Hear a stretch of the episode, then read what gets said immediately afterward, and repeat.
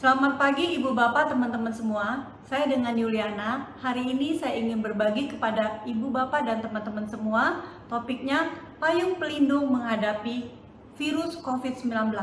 Azam Bram pernah berkata, tidak ada orang lain yang bisa membuat Anda menderita kecuali Anda mengizinkannya.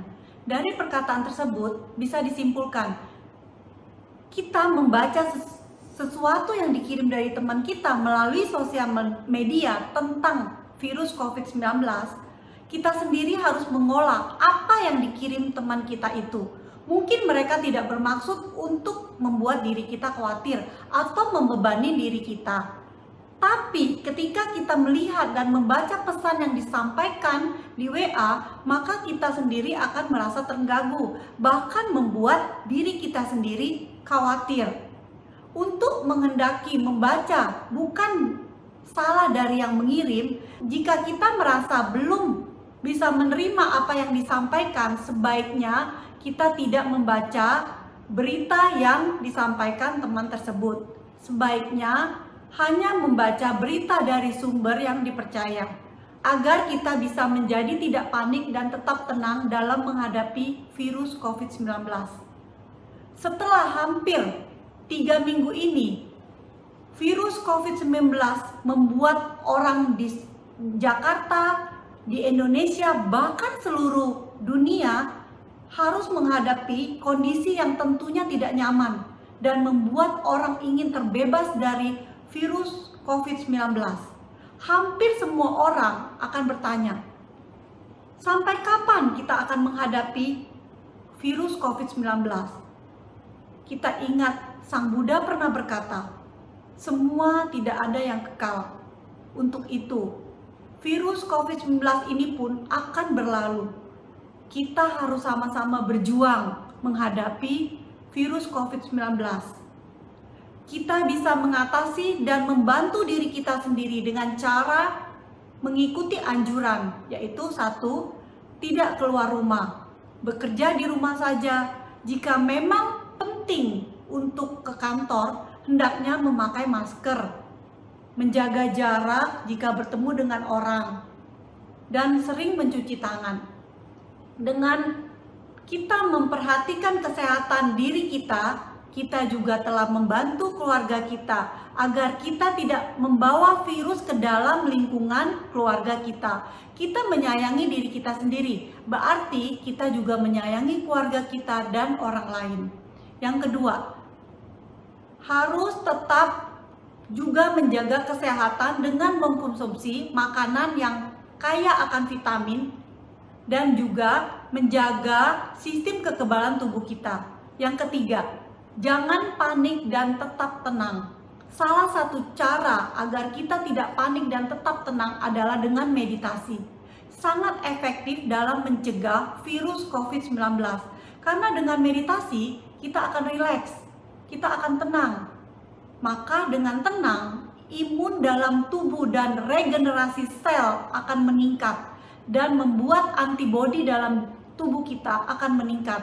Dengan meditasi, tubuh melepas hormon adrenalin yang menyebabkan detak jantung, aliran darah dalam tubuh meningkat. Sangat baik untuk kesehatan. Saran saya, payung pelindung untuk menghadapi COVID-19 harus dari diri kita sendiri dulu. Dalam disiplin mengikuti anjuran yang disarankan pemerintah dengan tidak keluar rumah, sering mencuci tangan, makan makanan yang bergizi. Misalnya, saya sebagai ibu rumah tangga, apa yang saya lakukan di rumah? Selain menyiapkan makanan yang bergizi untuk anggota keluarga di rumah, dengan memasak sendiri di rumah, menyiapkan buah-buahan yang kaya akan vitamin C. Apalagi yang bisa dilakukan di rumah? Misalnya, saya juga bisa berolahraga dengan mengajak anggota keluarga berolahraga bersama melalui YouTube. Teman-teman yang masih kuliah dan dengan aktivitas di rumah bisa membantu orang tua, misalnya dengan memasak bersama mama di rumah, membuat masakan baru yang tadinya menjadi masakan favorit kita bisa mencoba di rumah dengan membuka album-album lama misalnya foto SD kita, foto SMP, SMA, kita juga bisa membuat kenangan yang baru bersama teman lama kita dan bisa ngontek teman lama kita. Juga untuk ibu-ibu yang masih anaknya masih bersekolah, sekarang ini tentunya anak-anak sekolah hanya online school di rumah. Ibu-ibu yang tadinya bekerja sekarang juga bisa mendampingi anaknya dengan melakukan online school di rumah. Di sini terlihat sangat memberikan hubungan baik antara ibu dan anak agar terlaksananya online school di rumah. Apalagi misalnya bisa ibu-ibu bisa merapikan lemari-lemari dengan mendapatkan barang yang tadinya sudah tidak terpakai sekarang bisa menjadi mainan baru untuk anak kita yang di rumah.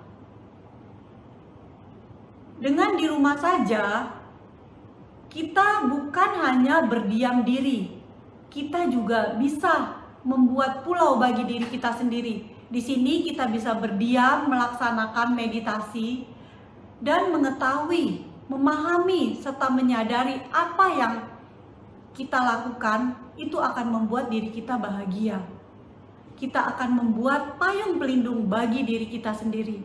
Untuk itu, dalam menghadapi COVID-19, kita hendaknya mengimbangi diri kita sendiri dengan membaca parita di rumah yang mana sudah dianjurkan oleh Bante yaitu parita ratana sutta.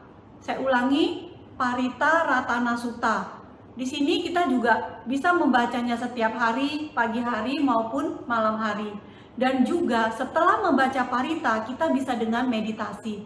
Meditasi akan membuat diri kita lebih tenang dan juga membuat imun dalam tubuh kita akan lebih kuat. Dengan tubuh yang kuat akan lebih maksimal dalam menghadapi virus COVID-19.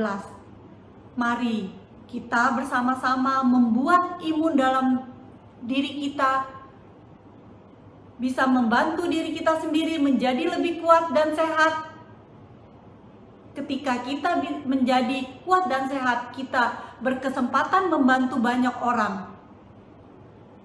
Itu dari saya, Yuliana. Terima kasih atas perhatiannya. Semoga semua makhluk berbahagia. Sotihotu Namo Buddhaya.